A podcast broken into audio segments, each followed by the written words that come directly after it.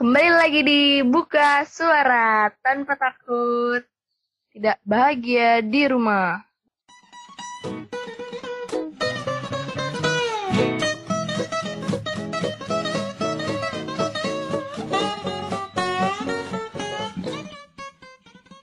Apa kabar, Rara? Alhamdulillah baik. Lu gimana nih? Apa kabar lu, Rey? Ah, dibilang baik juga enggak begitu, dibilang enggak baik juga enggak sih sebenarnya. Uh, oh, kenapa tuh? Kayak gitu jawabannya ngeraguin sumpah. Karena bosen banget di rumah. Yang kedua, gue terus-terusan menatap layar. Capek sih mata. Gue terus-terusan menatap layar, capek juga mata. Oh, capek juga ya. Nih, Ya, eh, tapi apa? Ya tapi mau gimana lagi gitu kan? Lagi pandemi kayak gini, eh, apa ya yang ngebawa keadaan kita ya mau nggak mau harus ngeliat ke laptop terus kan? Iya, apa-apa virtual, apa-apa virtual ya kan. Virtual, as always. Nih, emang emang lu kesibukan selama pandemi ngapain aja gitu? Kan kalau Wah. gue natap layar mulu nih. gue ya sama lah orang kita juga sama kan sudah sama natap layar juga mungkin saking udah gabutnya juga ya Rey ya gue mulai Hmm. cari-cari kesibukan lain gitu bikin-bikin to do list biasa asik. ngapain ya Terrealisasi nggak? Terrealisasi nggak tuh? kadang ada yang terrealisasi kadang ada yang Emang ya eh, niat ya, ya sama gitu magernya paling tuh. Iya, paling ya kalau lagi niat, lagi bangun pagi banget gitu kan, gue sempet sempetin kayak olahraga sebentar Mantap. gitu, terus kayak bebenah. Tapi kalau emang lagi kesiangan dan gak niat ya udah gak ngapain. Tapi nih, tadi kan lo bilang ya, eh, lu lagi Hmm. ikutin eh, kegiatan-kegiatan karena lu gabut. Ah. Se- Di kegiatan itu sendiri tuh, lu harus yang ada keluar nggak sih? Karena lu kan rumah mulu ya. Oh, ya. Kali aja Iya. tuh lu al- alibi juga gue pengen kegiatan ah karena gue juga bosan di rumah gitu loh. yang ada luringnya nggak sih? Iya iya. Tapi ngomongin itu juga ada loh temen-temen gue juga deh beberapa yang emang dia nyari kesibukan, nyari apa bikin kegiatan yang sengaja biar emang bisa keluar rumah gitu. Jadi sekalian Banyak alasan sih. kan? Iya, banyak sih sebenarnya kayak mulai ini juga sih Ray kayak eh, setiap organisasi yang gue ikutin juga udah mulai mencoba back to normal gitu asik. Teman-teman kita aja kan yang satu organisasi tadi yang gue bilang rapat Iya. aja udah mulai disuruh offline gitu pelan-pelan tuh udah kayak mau balik lagi ke semula kayak gitu. Karena emang bukannya kita nggak mau beradaptasi dengan dunia di- digital ya, tapi kalau misalnya kita eh, melihat keefektifan enggaknya, jujur ya, gue sih jujur aja kalau misalnya online tuh nggak semuanya bisa kita lakuin kalau dibandingkan dengan offline, Betul. efektif itu. Dan emang lebih enakan offline gitu loh, tatap mukanya Iya. langsung gitu wujud Ah, ah, orang aslinya langsung. kan. Jadi nggak Iya. capek juga mata lihat layar. Iya betul. Nah, tapi nih, ya balik lagi, lu tadi ikut nggak sih? Ikut yang kayak gitu nggak? ikut yang harus luring. lumayan ya ikut jadi kan tadi gue bilang rapat pertama tuh yang udah jelas banyak yang luring terus gue lagi ikut ini Rey apa kegiatan relawan covid ya kan nah relawan covid itu juga dia kan relawan ya maksudnya Iya. yang peduli banget nih sama uh, covid saat Ah. ini gitu kan itu aja juga udah mulai mencoba buat edukasi secara luring gitu loh Rey udah mau mulai normal juga Dan gitu. edukasi punnya tentang new normal ya. Iya, tetap tetap tetap pakai protokol kesehatan juga, jangan dilupain juga gitu. Tapi ngomong-ngomong tentang keluar ya, lu tuh Oh. sebenarnya boleh nggak sih kalau misalnya kegiatan keluar gitu sama orang tua? Oke. Nih, sebenarnya kalau keluar, gue tuh bingung sih sebenarnya sekarang kayak gue ada di tahap bingung Rey gitu kan. Waktu Bingung? bulan apa ya? Bulan bulan-bulan April, April, Mei, eh Juni deh, Mei ke Juni, Mei ke Juni, Juni Juli lah sekitar segitu, gue tuh masih boleh keluar gitu kan. Kan masih banyak juga ada beberapa kayak proker gua yang belum terlaksana. Waktu itu kan kayak ada satu proker gua itu yang ke panti asuhan. Itu bulan apa ya? Juni, bulan Juni. Iya. Nah, bulan, bulan Juni itu gua masih diboleh-bolehin aja gitu, Rey. Gua ke panti masih dibolehin. Terus gua ke apa? Temen gua ada yang sakit, terus gua ngejengukin Mhm. dibolehin. Pokoknya waktu itu dibolehin karena atas nama ya ini buat eh, organisasi gua gitu kepentingan organisasi gua. Hmm, Jadi bukan buat cuman main-main ya. Iya, enggak, enggak cuma main-main. Nah, tapi yang gua heran, udah mulai dari bulan kemarin nih Juli, Juli akhir sampai bulan ini, itu tiba-tiba gua mau ke daerah kampus pun gak diizinin gitu. Gue juga bingung Hmm. kenapa gitu kan. Nah, terus apa ya, eh, di saat temen-temen gua udah pada mulai keluar, ini malah gue yang tadinya boleh keluar, malah gak dibolehin keluar gitu. Kalau lu sendiri gimana, Rey? Dibolehin gak lu Jadi keluar? malah yang tadinya boleh jadi nggak boleh gitu ya.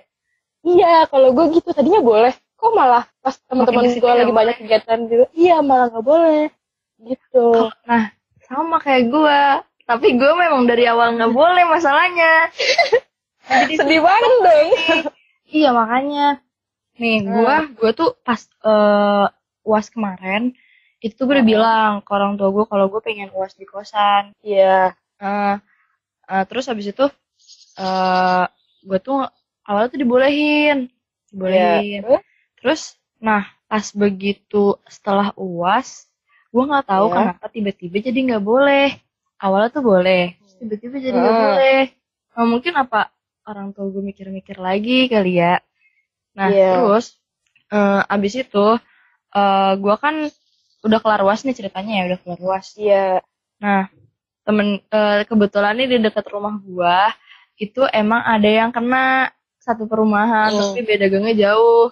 Iya. Mungkin gue Oh. mikir kayak oh karena udah ada kasus lagi nih gue jadi nggak boleh gitu kan.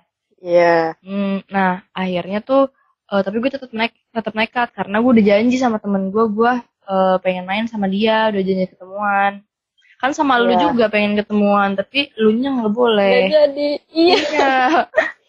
ya Oh, udah jadi- akhirnya gue nekat Eh, sebenarnya pas gue nekat itu gue nggak bener-bener direstuin juga buat ke Jakarta jadi sebenarnya gue deg-degan tapi karena gue berangkat sama temen gue itu jadi ya gue Ah. ngerasa ya udah masih nggak apa-apa lah karena gue berangkatnya berdua bokap gue Ah. pun nggak tahu kalau gue ternyata tuh jadi ikut karena kan gue berangkatnya itu eh pas bokap gue udah pergi kerja Oh. Hmm, ya jadi karena gue udah terlanjur di kereta ya Heeh. Nah, itu juga baru minta duit tuh, baru minta duit jajan di kereta karena gue takut nggak boleh karena udah terlanjur, akhirnya buka gue kasih lah. Nah, Mm-mm. semenjak dari itu pas gue balik makin-makin gak boleh sampai-sampai nih kayak kan gue juga ikutan yang KKN itu ya program KKN dari Kemdikbud. Iya. Nah, kalau misalkan nanti gue pengen izin buat kayak maksudnya izin ke Jakarta, kan lokasi kita di Jakarta. Kayak buat Iya. eh, izin lokasinya dan segala macem. Alasan KKN gue juga nggak boleh. Bahkan sampai eh, gue kan ini ya ikut instruktur suatu kegiatan di kampus lah. Iya. Dan itu kan ternyata memang harus ke kampus, tapi tetap dengan protokol kesehatan. Bener-bener eh, gue sih ngeliat kemarin emang berjarak banget. Mm. Nah itu pun aja gue sebenarnya nggak boleh sama orang tua gue. Jadi ya, Parah berarti ya. eh, jadi gue bener-bener gak boleh yang namanya ke Jakarta tuh nggak boleh. Boleh main Iya. sama temen deket doang, tapi kalau ke Jakarta bener-bener nggak boleh. Iya benar. Berarti ini ya orang tua lu tuh udah sampai ada di tahap ini pada acara kampus loh, maksudnya yang jelas. ada Iya, suratnya. iya. Itu pun nggak boleh gitu. Nah, maksudnya Hmm. kan di rumah juga ya bosen gak sih? Bosen banget. bosen banget. Tapi Udah mah juga nggak ngapa-ngapain. Iya, iya benar. Tapi ini sih Ray, kalau gua itu kalau misalnya ke daerah kampus, pokoknya kalau gua udah bilang mau ke daerah kampus gitu, entah mau ke kampus Limau atau mau ke Pasar Rebo itu pun nggak boleh. Pokoknya gua nggak boleh deh naik motor jauh Padahal gitu. lu- boleh. Iya, padahal lu juga naik umum ya, naik motor. Iya gitu. Tapi kalau misalnya mainnya kayak cuma di tetangga sekitar rumah gua, cuman SMP SMA gua yang lingkupnya masih satu kecamatan tuh boleh. Kalau main yang deket-deket rumah aja masih boleh. Ke kampus doang nggak boleh, nggak tahu kenapa. Apa karena jauh kali dan Jakarta masih zona merah mungkin. Mungkin kayak gitu. Nah, cuman kalau misalnya dari lu nih, dari lu pribadi, kalau gue ya, gue kalau misalnya ini kan gue di rumah mulu ya, sumpah gue jujur Iya. aja nih, gue berusaha banget untuk menstabilkan emosi gue dan feelings gue, tapi tetap aja gitu kayak gue butuh eh, fresh keluar, terus gue Iya. juga suntuk di rumah, gue ngerasa kayak gue juga di rumah nggak punya duit, nggak ngapa-ngapain, kayak deadwood beneran aja sih gimana, kayak nyampah aja gitu di rumah. Hmm. Nah, iya Hmm. mungkin lu ngerasain hal yang gitu juga gak sih Kalau gue tuh ngerasanya gini loh, Rey. Semenjak gue di rumah ya, kayak apa ya, jadi kayak makin nambah baperan gak sih? Kayak sendiri jadi gitu. susah untuk menstabilkan emosi ya Iya, itu. Nah, terus kayak apa ya? Kayak waktu itu aja pernah ada kayak ngobrol biasa sebenarnya sama temen gue gitu kan ya, seputar organisasi gitu. Tapi Hmm. sebenarnya bahasannya biasa aja gitu loh. Tapi Mm. apa ya mungkin karena guanya juga udah ngerasa ini tuh gue udah uh, apa ya berusaha gitu buat eh, ini acara semaksimal mungkin apalagi lewat online gitu kan ya Mm-mm. terus dia cuma nyinggung dikit yang bikin gue ngerasa kayak anjir lu ngehargain gue gitu gue udah ngelakuin ini mana ini online kayak gitu jadi langsung nangis lah stres lah kayak gitu padahal sebenarnya biasa aja gitu mungkin karena capek juga gitu kan online juga capek iya ada soalnya. pengaruh emosionalnya juga sih iya itu sih paling kalau dari gue sih Rey padahal kalau misalnya dipikir-pikir lagi ya eh maksudnya misalnya nih kita ketemu langsung yang tempatnya di Jakarta lah kalau gue pribadi Iya. kan gue emang naik umum maksudnya naik umumnya Hmm. pun gue pasti mengikuti protokol kesehatan nggak mungkin gak pakai Iya. masker dan sebagainya terus juga Hmm. Di keretanya juga nggak gue juga nggak mau lah kalau misalnya harus deket-deketan sama orang. Kan emang di keretanya sendiri juga udah ada tandanya kan. Kecuali waktu itu gue Iya. pernah sih ke Tanah Abang itu uh, penuh banget. Masih sama aja penuhnya. Jadi gue bener-bener Iya, bener. abis dari situ yaudah gue langsung hand sanitizer. Ya udah nunggu sampai lokasi kosan dulu baru gue ganti baju. Kan mau nggak mau. Iya. Tapi maksudnya eh, ya gue sebisa mungkin selama perjalanan juga nggak menyentuh wajah gitu. Iya benar Mm, dan dan tapi di apa? ngeri gak sih? Ngeri gak sih kalau naik kayak kereta gitu? Ngeri Pasti banget sebenarnya ngeri banget sebenarnya. Nah gue aja kaget tuh Iya. yang di waktu di Tanah Abang masih kayak gitu. Karena di yang lain Nah. mah enggak. Gue masih bisa duduk gitu. Terus kan duduknya di jarak-jarak tuh masih berjarak. Iya benar-benar hmm, dan untuk tapi ini juga- sih Re kalau misalnya gue lihat dari cerita lu yang tadi kan eh, di rumah lu kan udah ada yang kena ya meskipun Hmm, nggak deketan banget kan. Nah kalau di gua nih beda kalau di sekitar rumah gua ini belum ada yang kena re. Jadi ya kayak Hmm. masih orang juga masih biasa aja gitu. Mungkin kalau misalnya ada satu orang aja yang kena mungkin langsung kayak gitu. Tambah-tambah itu ya. sih bedanya mungkin re. Tapi kan kalau lu nih ini apa namanya naik motor sendiri. Selalu kendaraan Hmm. sendiri gitu loh bukan umum. Maksud tapi gua kan sama aja kan kita nggak tahu. Ya, habis naik kira-kira motor tuh- nongkrongnya di mana? Iya itu sih pastilah. Iya. Maksudnya kan kita juga nggak nginep kan pulang lagi ke rumah gitu loh. Iya. Nah maksudnya kira-kira kenapa sih gitu orang tua kita tuh bisa takut itu atau memang alasannya hanya karena covid iya atau ada alasan lain. Atau karena apa gitu. Nah ya maksudnya coba kita Iya. mikir dari sisi orang tua. Dari sisi orang tua. Gue bukan orang tua soalnya nih. Ya kan lu eh, mother wannabe. Jadi ini sih ini uh, pandangan gue ya kenapa orang tua mungkin bisa sampai kayak sebegitunya gitu kan. Eh mungkin dari dulu kali ya Rey kan kalau misalnya gue gue itu kan anak satu-satunya ya kalau lu berapa bersaudara dah dua-dua Nah, lu Dua. dua bersaudara ya kan. Nah, kalau gue nih anak satu-satunya gitu kan. Terus habis itu apa ya? eh, mungkin juga yang gue pikir sih ini mungkin ya kayak eh apa sih?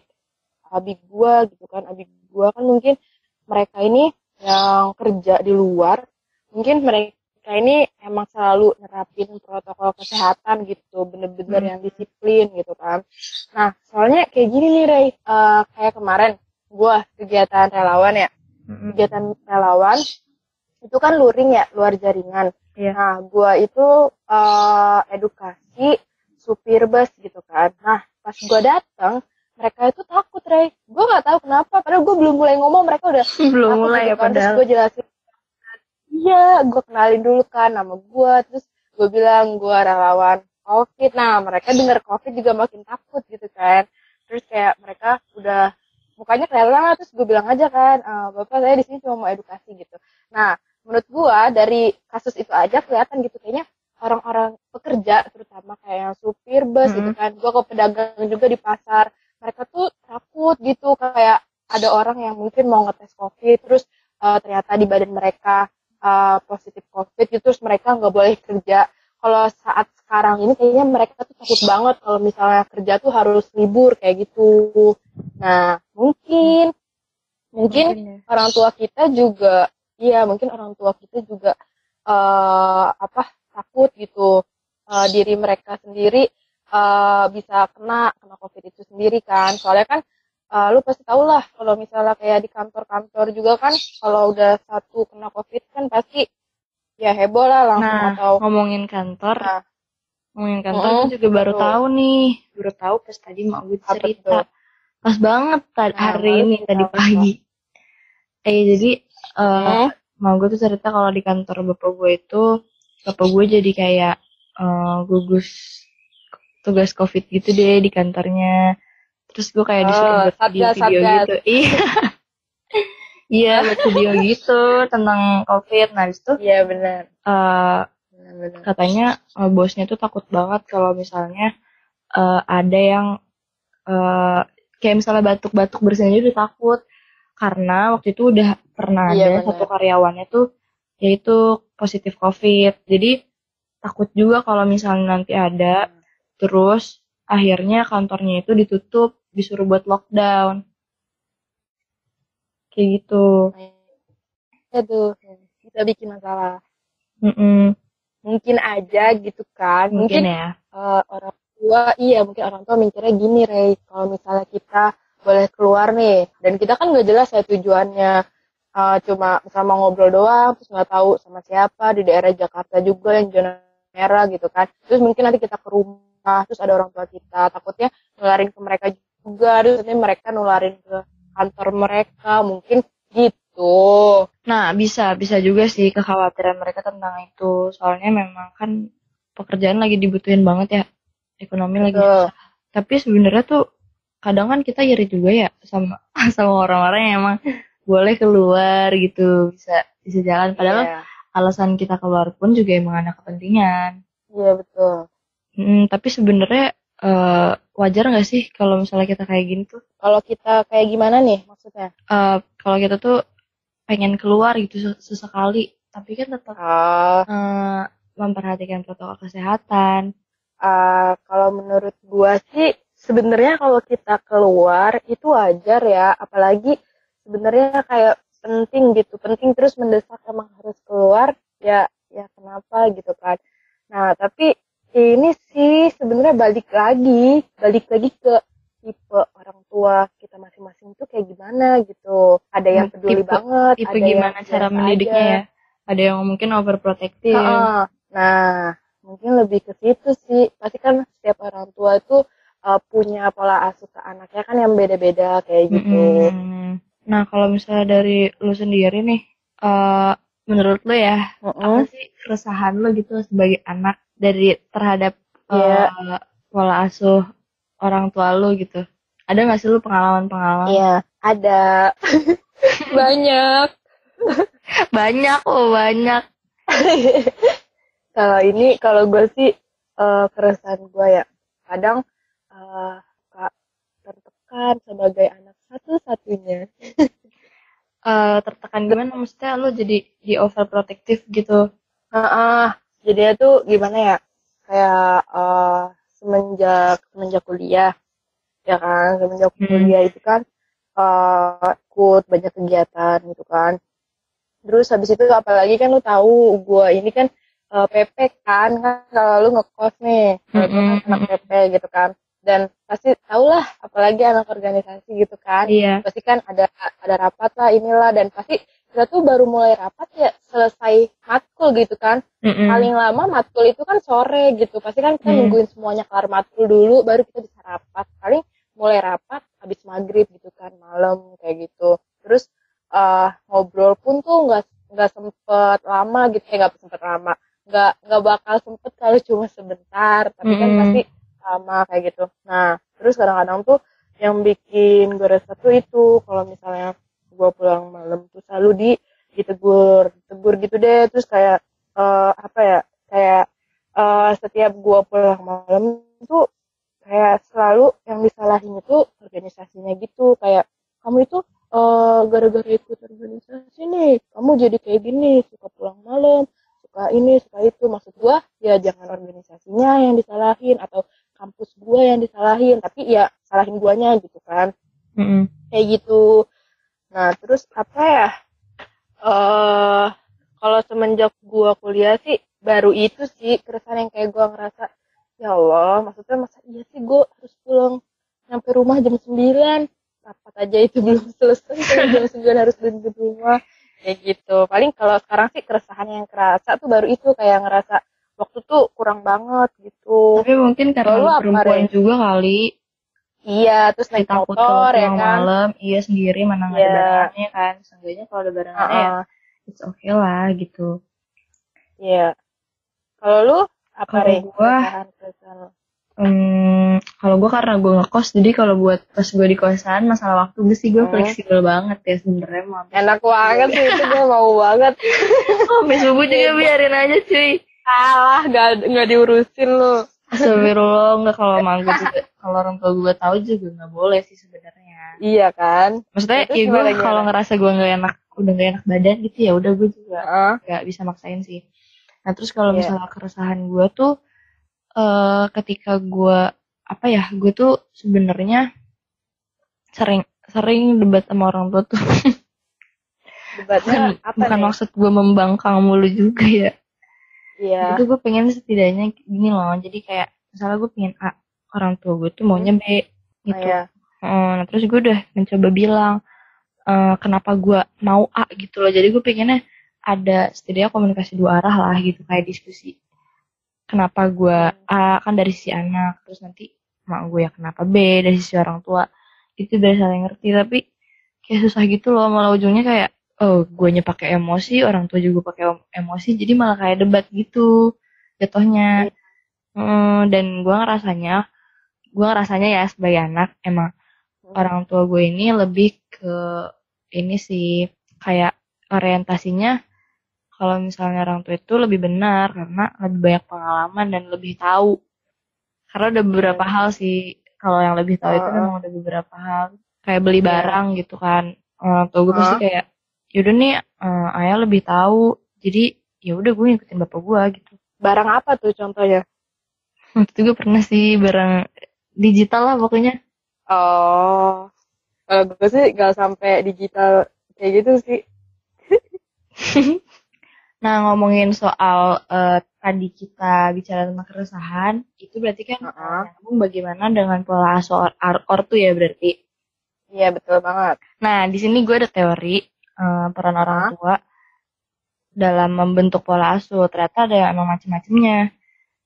Yang pertama, Betul. eh, pola asuh otoriter. Di Iya. si orang tua ini eh, dia punya peraturan yang kaku dalam mengasuh anak-anaknya. Jadi kayak eh, setiap ada aturan ini ada hukuman. Jadi kalau Hmm. misalkan emang si anaknya melanggar peraturan di keluarganya itu ya bisa ada hukumannya gitu Tanpa mengenal kompromi. Jadi bersifat satu arah doang kan dari orang tua ke anak. Terus ada Hmm. juga yang namanya pola asuh demokratis.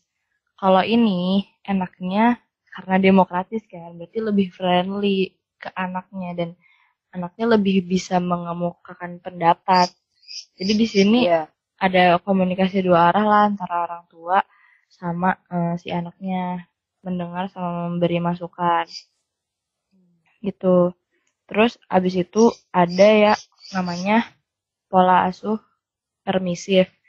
Nah itu tuh eh, bener-bener si orang tua ini memberikan kebebasan sama anak tanpa kontrol.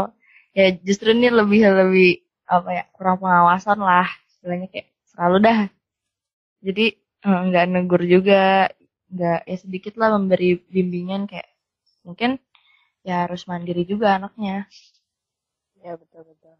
Itu sih itu tiga faktor itu. Cuman kalau misalnya eh, gue pikir-pikir lagi ya kayak nggak mungkin sih ada orang tua yang bener-bener saklek ke salah satu pola asuh doang ya nggak sih? Iya.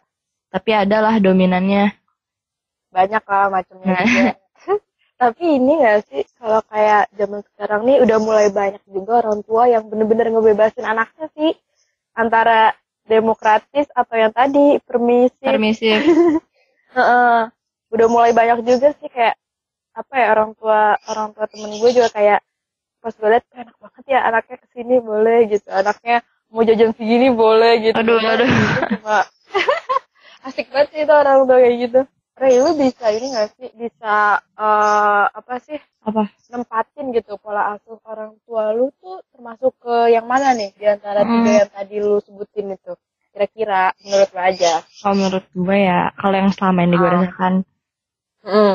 eh sebenarnya otoriter tuh enggak karena Hmm. gue temen gue juga ada tuh yang sampai kayak kalau misalkan eh kamu bangun siang nanti Hmm. kamu eh, ngapain gitu loh jadi kayak setiap hal yang dia tidak tepati ya ada konsekuensinya gitu tapi gue nggak gitu sih gue nggak gitu mah gue yang ketat-ketat banget tapi kalau dibilang permisif enggak ya permisif enggak mungkin Iya. lebih ke demokratis cuman gue nggak ngerasa juga loh nggak nggak ngerasa bisa diskusi dua arah gitu ya balik lagi kayak gue ngerasa yang orang tua gue merasa paling benar gitu, Iya.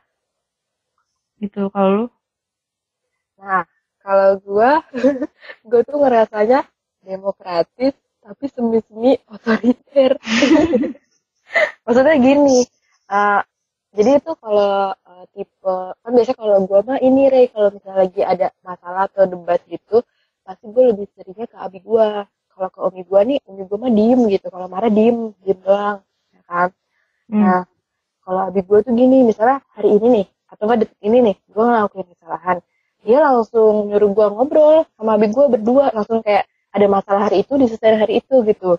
dan dong langsung diskusi berarti Iya, iya enak. Dan gue langsung nangis gitu. Jadi contoh gini, contoh gini, waktu itu gue lagi pulang kampung ya. Gue pulang kampung. Iya. Terus eh, di, di rest area, Rey, ya kan. Nah, terus abi gue tuh sama umi gue lagi di, di luar mobil kan, lagi apa sholat kalau nggak salah, lagi ke Hmm. sholat gitu. Gue, gue di dalam mobil, gue di dalam mobil. Nah, terus habis itu eh, kan mesin mobil mati ya. Kaca mobil gue juga gue buka sedikit kan biar nggak pengap gitu. Nah, terus Hmm. Gue teledor banget. Maksud gue eh, pas itu gue keluar keluar dari mobil gue tapi kacanya dalam keadaan eh, setengah kebuka tapi pintunya kekunci ya kan Hmm. terus gue nyusul gue nyusul ke musola kan terus pas gue masih di musola uh, abi gue udah ke mobil duluan dan dia ngeliat itu ngeliat eh, apa gue ninggalin mobil dalam keadaan kaca Mm-mm. setengah kebuka tapi pintu pintu kekunci nah di situ tuh abi gue langsung nyamperin gue ke musola. Maksudnya kayak langsung kesel gitu ke gue kan. Gue kaget kenapa? gitu kan. Terus gue disamperin terus gue disuruh disuruh sama abi gue kayak diajak ke nunjukin mobil yang keadaan kayak gitu. Terus gue disuruh lihat nih kamu lihat nih ah, ini siapa yang ninggalin mobil dalam keadaan kayak gini kalau bukan kamu? Tadi kan terakhir kamu gitu. Di situ gue langsung kayak ngerasa ya Allah. Gue mikirnya di situ kan kesel ya. Gue kayak ngerasa nggak mikirin apa yang di yang ada di pikirannya tuh takut mobilnya hilang doang gitu maksud maksud gue maksudnya kan itu banyak orang malu gue langsung ditegur saat itu juga gue langsung masuk mobil aja gue langsung nangis maksud gue ya jangan kayak gitu juga gitu lagi banyak oh maksudnya itu bener-bener tiba belak-belakan Iya. gitu enggak Iya, langsung. Iya, maksudnya bagus sih. Sebenarnya kan kayak eh, ngajarin gue gitu kalau misalnya harus bertanggung jawab gitu. Tapi kan keadaannya tuh keadaannya tuh nggak lagi memungkinkan. di depan orang banyak Iya, terus posisinya lagi pada capek semua kan. Gue capek lagi di perjalanan juga kan, habis gue capek juga. Terus mungkin dia juga lagi capek. Terus kesel kali ngeliat mobil keadaan gue tinggalin kayak gitu. Maksud gue, ya gitu deh. Jadi kayak gue juga gak terlalu suka sebenarnya langsung nyelesain masalah.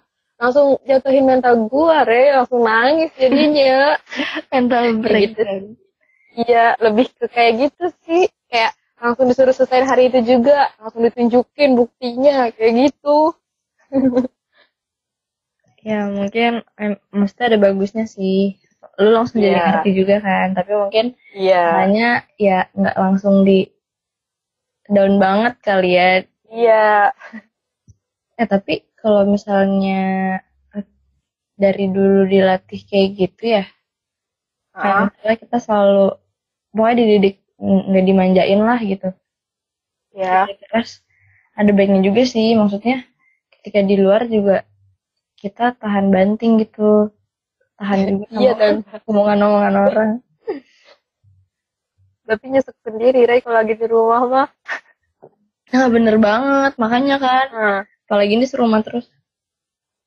Iya, makanya itu.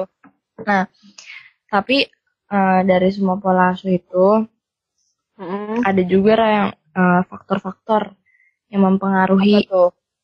Hmm. si pola terus si pola asuh tersebut Ah. bisa ada coba mungkin kita bisa lihat ya dari eh, tingkat sosial ekonominya Ya, ya kalau misalnya mungkin kan kadang kalau orang yang berpenghasilan tinggi ya orang tuanya Ah. bisa lebih manjain orang bisa lebih manjain anak-anaknya betul. karena mungkin mereka mikirnya gue bisa ngebahagiain anak-anak nih Hah? Hmm, padahal kan impactnya manjain juga udah selalu bagus kan untuk dia ke depannya Iya, betul. ya terus mungkin kalau misalnya yang kayak gue nih gue kan keluarga mediocre ya biasa aja lah Iya. Jadi ya tapi ya walaupun misalnya gue minta apa-apa nih yang masih taraf biasa aja yang nggak berlebihan tetap aja kadang kalau misalkan emang gue nggak dibut eh, nggak terlalu butuh tuh atau barang itu belum rusak gue tuh nggak akan dibeliin ra sama orang tua gue jadi nggak Hmm. nggak yang gue minta A terus bisa gitu loh bahkan Iya. kadang kayak nilai gue ya gue ngerasanya udah bagus lah ya tetap aja nggak bisa menjadi jaminan kayak kan nilai aku bagus gitu Gak bisa dijadiin alasan ya. Mm, jadi gue ya udah aja ya gitu deh pokoknya gue ngerasa didiknya sederhana sekali dan sesuai kebutuhan Iya, betul. kalau lu sih Sama sih sebenarnya. Sama. Kalau gue tuh dari kecil juga udah dididik kayak apa ya? eh, di, dari kecil mungkin ya dibiasain ya hidup sederhana aja gitu. Maksudnya eh, kalau umi gue tuh sering bilang kayak gini, kayak misalnya eh, nanti kita punya anak nih. Kalau misalnya tuh anak aja dari kecil sering diajak ke mall, sering diajak ke tempat-tempat yang itu ya bakal kebiasa gitu sampai gede. Kalau dia bakal ya itulah bakal jalan-jalan terus kayak gitu kan. Sama sih tadi kan lu bilang kayak lu baru bisa dibeliin barang kalau emang bener-bener butuh kan. Sama gue juga kayak HP aja ya gue tuh selalu deh kalau HP itu selain gue emang gak apa ya gak punya ambisi banget gitu kayak ada HP baru tipe ini gue pengen beli gue juga gak punya ambisi kayak gitu. Dan ini juga sih kayak gue tuh emang kalau misalnya mau ganti HP dan mau minta beliin HP ya emang nunggu HP gue bener-bener rusak dulu baru ganti. Paling lama tuh HP gue rusak itu empat tahun atau enggak tiga tahun tuh paling awet banget itu baru tuh biasanya rusak HP gue baru ganti kayak gitu. Dan juga ini sih Ray kayak misalnya gue gak punya barang itu ya nah Hmm. tapi gue ngeyakininnya ini Ray gue pengen pengen punya eh, skill gitu. Nah itu biasanya abi gue lebih ini tergiur di situ. Oh ya ya ya alasannya iya terakhir nih ya Ray gue kayak minta apa ya? Minta gitar. Gue tuh alasannya kemarin yang gue minta gitar itu alasannya gue bilang lagi pandemi gitu kan. Lagi pandemi. Terus kayak di rumah bosen kayak gini-gini aja Eh, mungkin kalau misalnya aku bosen kalau misalnya aku seriusin belajar gitar bisa nih aku langsung bisa gitar gitu kan. Aku dari dulu dari SMP minta beliin gitar tapi belum dikasih kasih eh, beliin dong bi gitu kan. Nah, akhirnya dikasih tuh gue pakai alasan pandemi. Pokoknya terus abi gue bilang kan ya udah tapi kamu janji ya harus bisa. Abi beliin tapi harus bisa kayak gitu. Pokoknya dia kalau apa ya eh berkaitan sama bakat sama minat tuh dia kayak ngedukung Hmm. Terus Nah, di kalau eh. misalnya gue nih apa? Apa? Tadi kalau gue Tadi kalau tuh- gue apa? Kalau dulu deh. Iya kalau gue kalau misalnya ngomongin berkaitan dengan minat bakat ya, gue rasanya sih kalau misalnya di gue tuh eh, orang tua gue tuh mendukung yang memang orang tua gue su- suka di situ. Kalau misalnya gue ada ya yang berbeda, ya gue ngerasa susah aja sih kurang. ah Kayak tentang musik juga kan gue pengen tuh waktu itu gitar, cuman gue ngerasa Ah. orang tua gue nggak di situ gitu loh, jadi oh ya ya kurang. bener-bener. Eh tapi tadi kan lu sempat ngebahas tentang ini ya anak manja gitu ya. Hmm. Nah, gue tuh gue tuh sempet tahu dapet apa ya stereotype stereotype anak manja gitu. Maksudnya gini setiap ada orang nih nanya ya nanya kan misalnya kak lu eh, berapa bersaudara? gitu kan. Terus gue bilang sendiri anak satu-satunya. Pasti orang langsung kayak kaget gitu loh. Langsung pada ah serius lu anak satu-satunya? Gue kira lu punya abang kayak gitu. Jadi ya mungkin sebenarnya gue ada senangnya juga sih dibilang kayak gitu. Mereka tuh mereka tuh ah, apa ya pikiran mereka tuh kalau anak satu-satunya tuh mungkin manja mungkin Iya, iya, iya. hidupnya mewah gitu kan. Mungkin mereka tuh ngelihat sosok gue ini kayak gue tuh punya adik atau gue punya abang. Maksudnya bisa mandiri lebih Hmm. kayak apa ya bisa lebih adaptasi gitu kan nah tapi gue tuh nggak suka deh maksudnya tuh kan pasti setiap ada orang nanya pasti gue dibilang lah gak yakin gue lu anak satu-satunya gitu. Soalnya mereka kadang-kadang bilang soalnya lu nggak kelihatan kayak anak satu-satunya gitu. Padahal padahal Kesel ya indikator kelihatan itu dari mana gitu. makanya. Makanya itu. Ya, Ya, gitu deh pokoknya. Balik lagi ke pola asuh ya sebenarnya. Iya makanya. Balik lagi sih. Oh iya, Ray, gue baru kepikiran juga sih gitu kan kayak eh mungkin orang tua lu tuh ikut campur gak sih Ray kayak ke urusan kuliah lu gitu. Soalnya kalau misalnya Umi Abi gua kan emang latar belakang pendidikannya itu cuma lulusan sampai SMA doang ya terakhir. Hmm. Abi gua SMA juga, Umi gua SMA juga. Jadi kayak mungkin mereka tuh nggak nggak tahu sih gua tahu nggak eh, sama dunia perkuliahan gitu kan.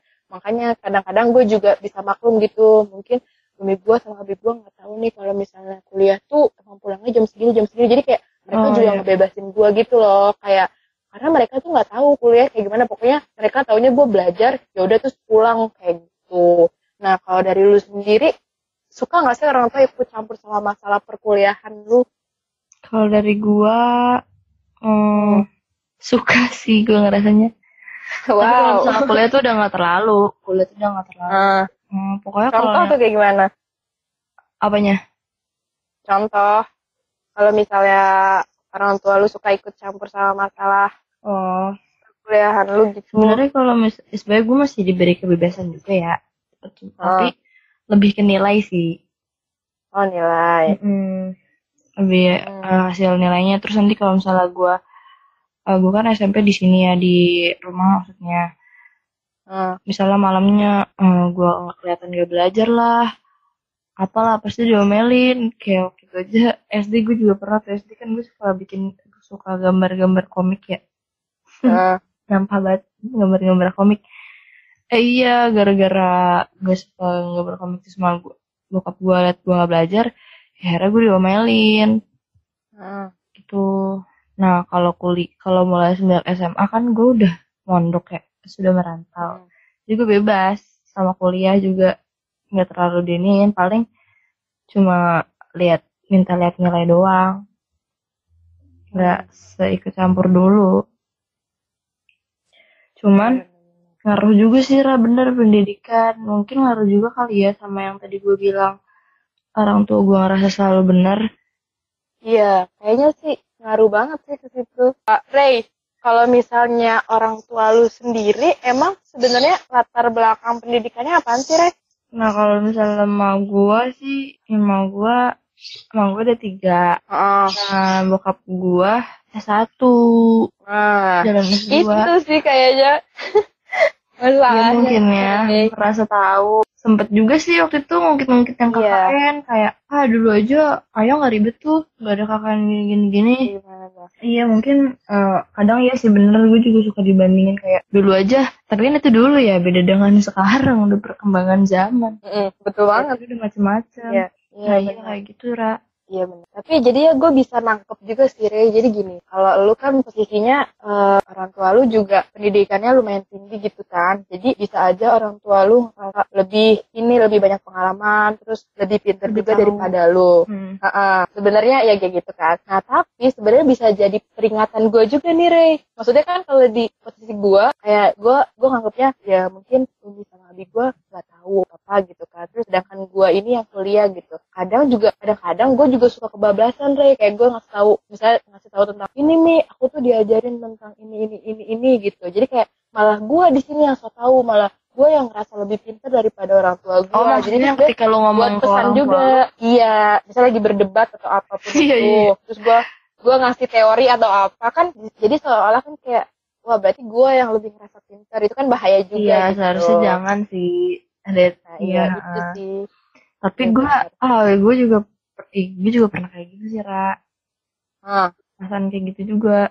Karena orang tua gue merasa ini juga ya, akhirnya nggak kelar-kelar. Udah deh, gue diem aja. Loh, jadi gini kali ya lu punya teori orang tua lu juga punya teori ya udahlah gak ada titik akhirnya Nah, makanya. Iya. Nah, kalau menurut gua ini sih Rey, menurut gue nih ya, eh pendidikan itu berpengaruh juga nggak sih ke apa ya kepercayaan orang tua lu ke mitos-mitos Ah, iya, iya, iya, benar-benar. gimana Gua- tuh? Lu, lu gua ada- punya pengalaman nggak? Gue bukan gue yang ada pengalaman sih. Kut, eh, Betul. pas banget orang tua gue juga tahu gitu loh misalnya kayak oh itu mah mitos gitu Eh Oh. teman gue yang ada jadi teman gue emang masih apa ya nggak di metropolitan banget tinggalnya. Hmm. nah terus eh, gitu eh, orang jauh juga sih. Dia Hmm. pernah nanya eh, beberapa kali lah ke gue kayak "Eh, Ray emang kalau misalnya gue lupa nih mitosnya apa yang dibawa temen gue ya. Ya anggap ya pokoknya mitos lah ya. Emang kalau misalnya gini gini gini gini ya? Terus kata gue ya itu mah mitos Hmm. gue bilang gitu kan enggak lah enggak lah gue aja pernah kok gini gini gini maksudnya gue gue kasih tahu secara rasionalnya gitu secara masuk akalnya Hmm. terus eh, temen gue bilang ini iya eh, abis soalnya orang tua gue juga bilangnya kayak gitu sih bilang eh, menyetujui si mitos mitos itu makanya gue nanya ke lu soalnya gue juga nggak begitu percaya kata temen gue gitu Hmm.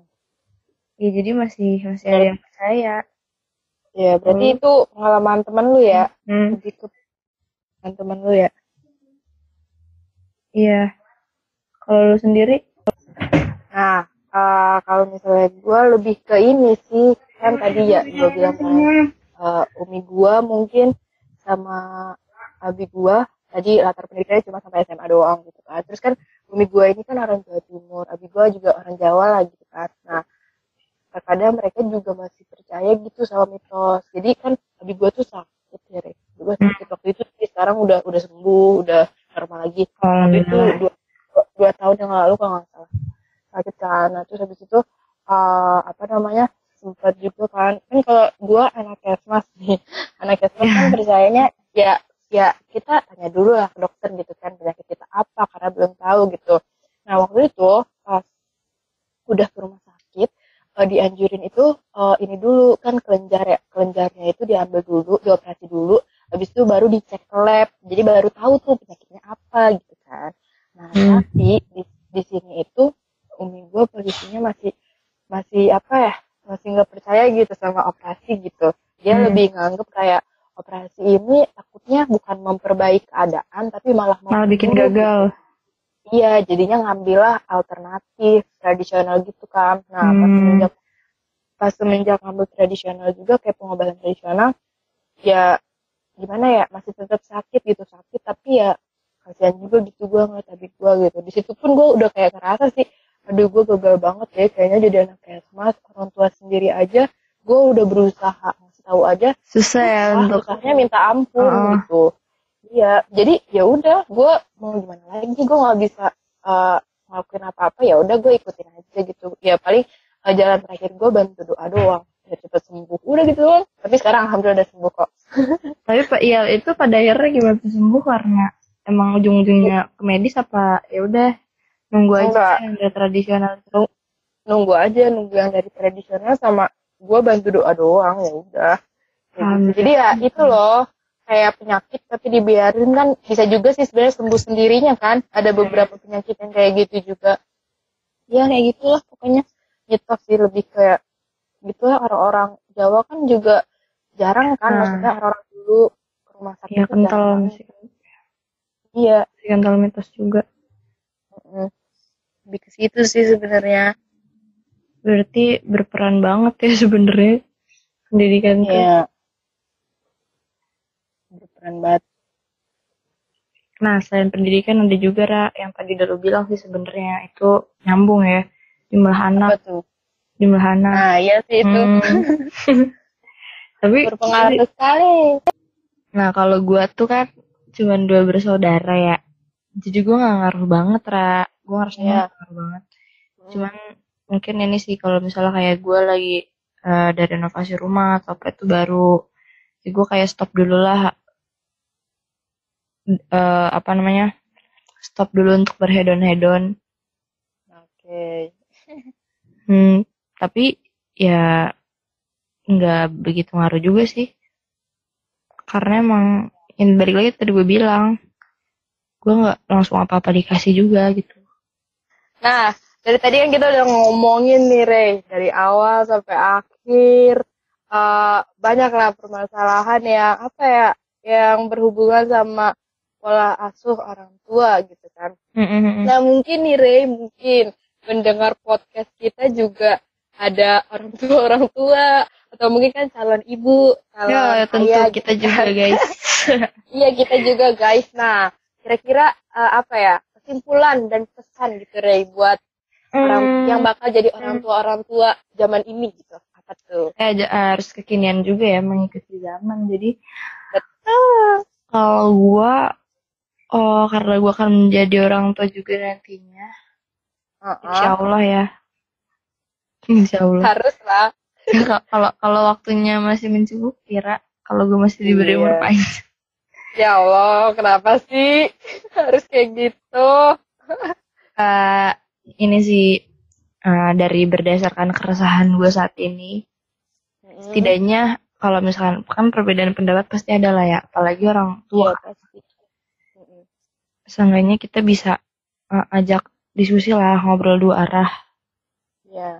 Hmm, terus eh, gimana eh, gimana kita bisa menciptakan suasana yang kayak gue tuh nggak ada gap gitu sama orang tua atau sama anak sendiri.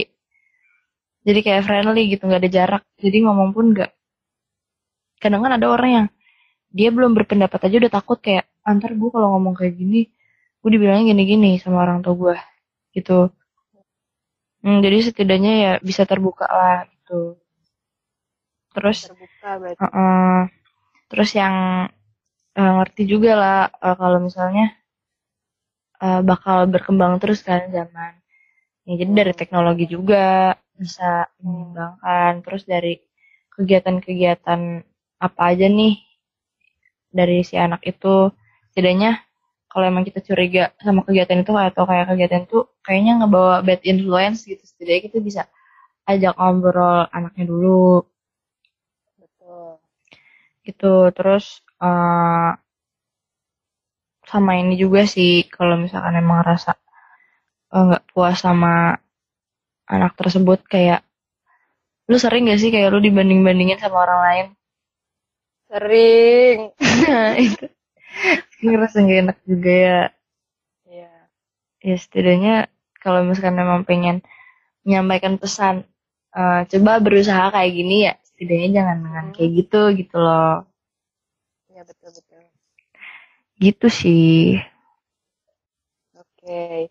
Nah, sekarang dari gua nih ya, kalau kesimpulan sama pesan dari gua, ini sih mungkin buat pesan diri gua juga nih, nanti kan bakal jadi orang tua juga. Mungkin ini sih kayak ya pasti udah tahu sih, maksudnya setiap anak itu pasti punya potensi yang beda-beda gitu kan. Terus sama nanti kan pasti kalau kita punya anak juga tadi yang lu bilang eh, zamannya udah beda gitu. Terus eh, jangan pernah lah kita samain budaya kita dulu di diri orang tua sama ah budaya iya benar. mereka sekarang gitu kan ya.